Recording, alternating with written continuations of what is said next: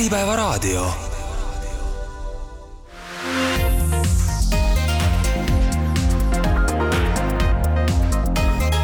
Trinity eetris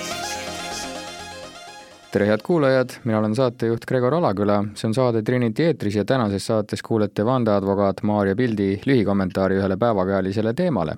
nimelt räägime Pere Sihtkapitali sihtasutuse tellitud uuringust, mille raames väga lihtsustatult öeldes uuriti lastetutelt naistelt, miks neil lapsi ei ole tänaseks on selgunud, et uuringu läbiviimisel rikuti eetikanõudeid ja potentsiaalselt ka seadust ja uuringu läbiviimist presenteeriti ka Tartu Ülikooli nimel, ilma selleks luba omamata. ja selle juhtumi ja võimalike tagajärgede kommenteerimiseks on telefoni teel meiega liitunud Trinity vandeadvokaat ja Tartu Ülikooli privaatsuse ja andmekaitse külalislektor Maarja Pild, tere! tere! milles seisnes kõige suurem juriidiline eksimus selle uuringu läbiviimisel?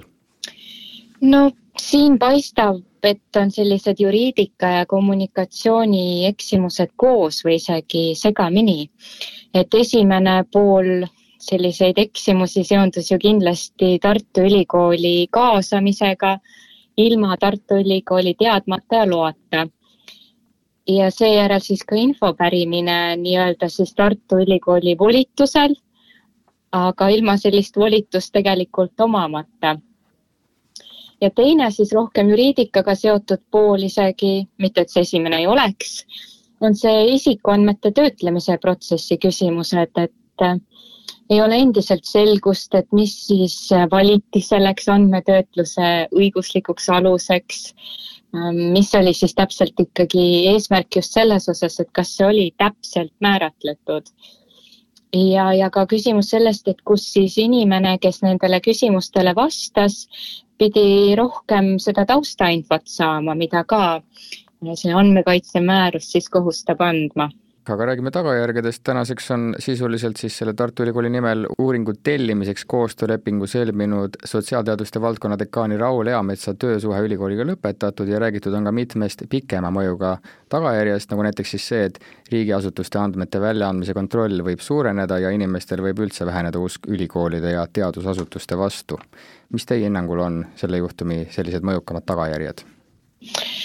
No seda, kas usk väheneb, me veel lõpuni ei tea, et see võib olla üks risk, aga samas me näeme, et ikkagi paljud rõhutavad ka seda, et ehk on see ikkagi selline isoleeritud äh, juhtum või üks, äh, üks asjaolu. et äh, lootust on, et ei teadlaste vastu siiski üldisemalt see usaldus ei lange. aga mis peamine, mida on ka pisut arutletud ja mis ma loodan, et ei saa selleks tagajärjeks, on sellise protsessi veel keerulisemaks muutmine ja veel enam regulatsiooni siis juurde tootmine. et neid andmekaitsereegleid meil tõesti on juba palju, need ongi keerulised. Ja ka antud juhtumis paistis silma, et tahetigi sellest keerukast bürokraatiast nii-öelda mööda minna.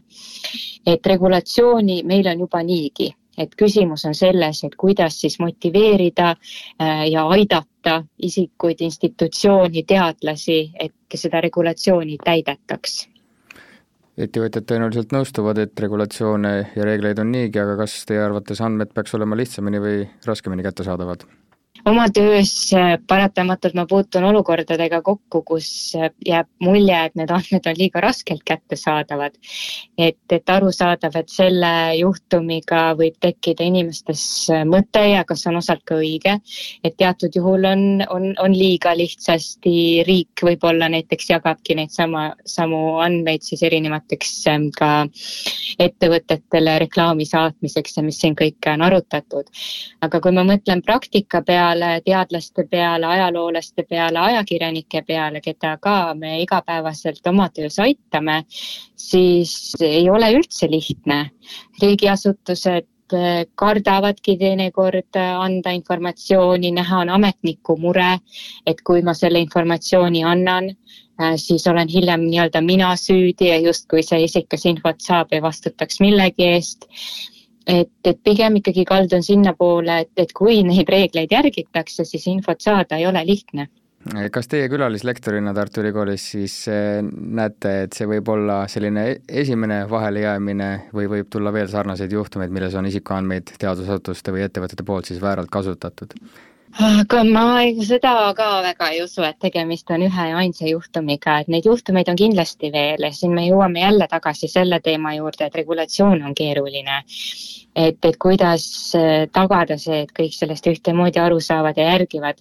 aga selle peale ma tõesti ei looda, et see on üks ja ainus juhtum, et neid rikkumisi on kindlasti veel kui see isikuandmete skandaal lahvatas, kas vaatasite esmalt seda sellise prof-, professionaalse pilguga, hakkasite analüüsima, et mida valesti tehti või kõnetas see ka kuidagi isiklikult teid? isiklikult otseselt isegi võib öelda ei puudutanud, et äh, ma ei mäletagi, kas ma üldse sain selle küsimustiku või saanud või, või seal ju ka said erinevad huvigrupid nii-öelda selle, et, et pigem see oligi puhtalt professionaalne huvi kogu teema vastu ja mure selles osas, et see juhtum ei teeks paljudel isikutel selle andmete saamist veel keerulisemaks, kus tõesti ongi mängus avalik huvi, kus teadlastel on vaja meie ühiskonda aidata nende uuringutega, et, et see, see ajendas ka äh, arvamust avaldama Raul Eamets on meedia vahendusel teatanud, et tegi nii-öelda õiget asja, aga valel viisil, ehk et tema sõnul on selliseid uuringuid kindlasti vaja, aga siis tuleks kasutada korrektseid teaduspraktikaid. mis teie tema sellisest käitumispraktikast arvate, et kas eesmärk pühitseb abinõu?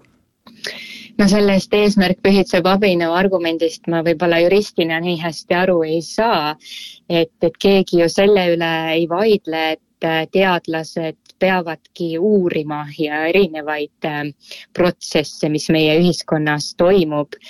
aga teiselt poolt äh, ka selle üle ju vaidlust ei ole, et protseduurireegleid tuleb ka järgida ja nii küsimuste sõnastamisel, nii kooskõlastamisel kui siis üldsuse siis informeerimisel tuleme lõpetuseks sellise praktilisema poole pool eh, juurde, paljudel tavainimestel tekkis selle loo avanedes soov piirata ligipääsu oma isikuandmetele ja on ka ilmnenud, et riik lausa müüb siis uuringufirmadele eh, inimeste isikuandmeid, kuidas saab eraisik erinevate ettevõtete ja uuringufirmade ligipääsu oma isiklikele andmetele piirata? Mm -hmm.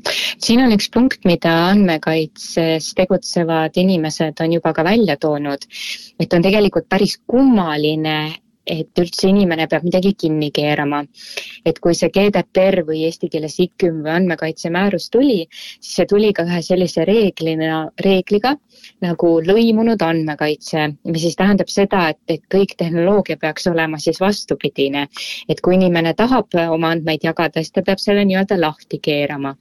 aga tõesti jah, selgus, et ka sellises ähm, olukorras, kus uuringufirma soovib teatavaid meie andmeid, siis selleks, et seda takistada, peab inimene minema ise äh, rahvastikuregistrisse ja seal siis selle vastava linnukese tegema.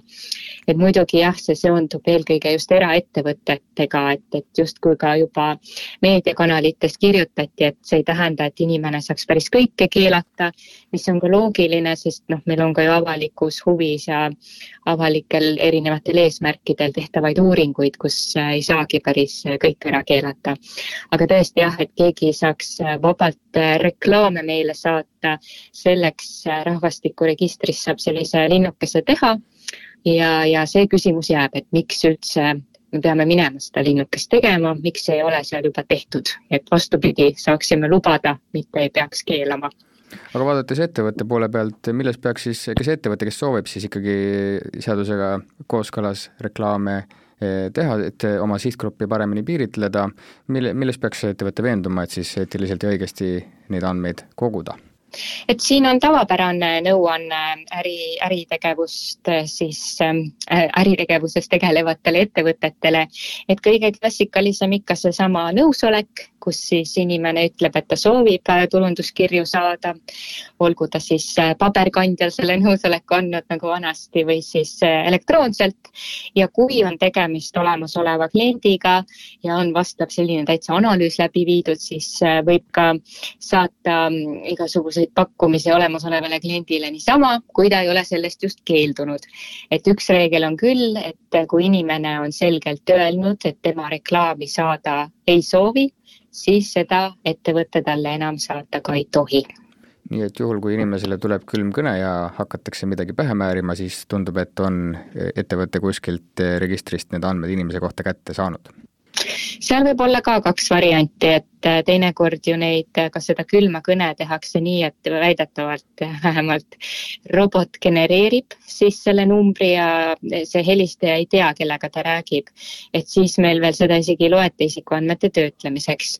aga kui jah, on võetud ma ei tea, ettevõtte koduleheküljelt või, või kuskilt avalikest andmebaasidest need andmed või ka rahvastikuregistrist, siis äh, ja võidakse täita, täitsa niimoodi isikuliselt ka helistada.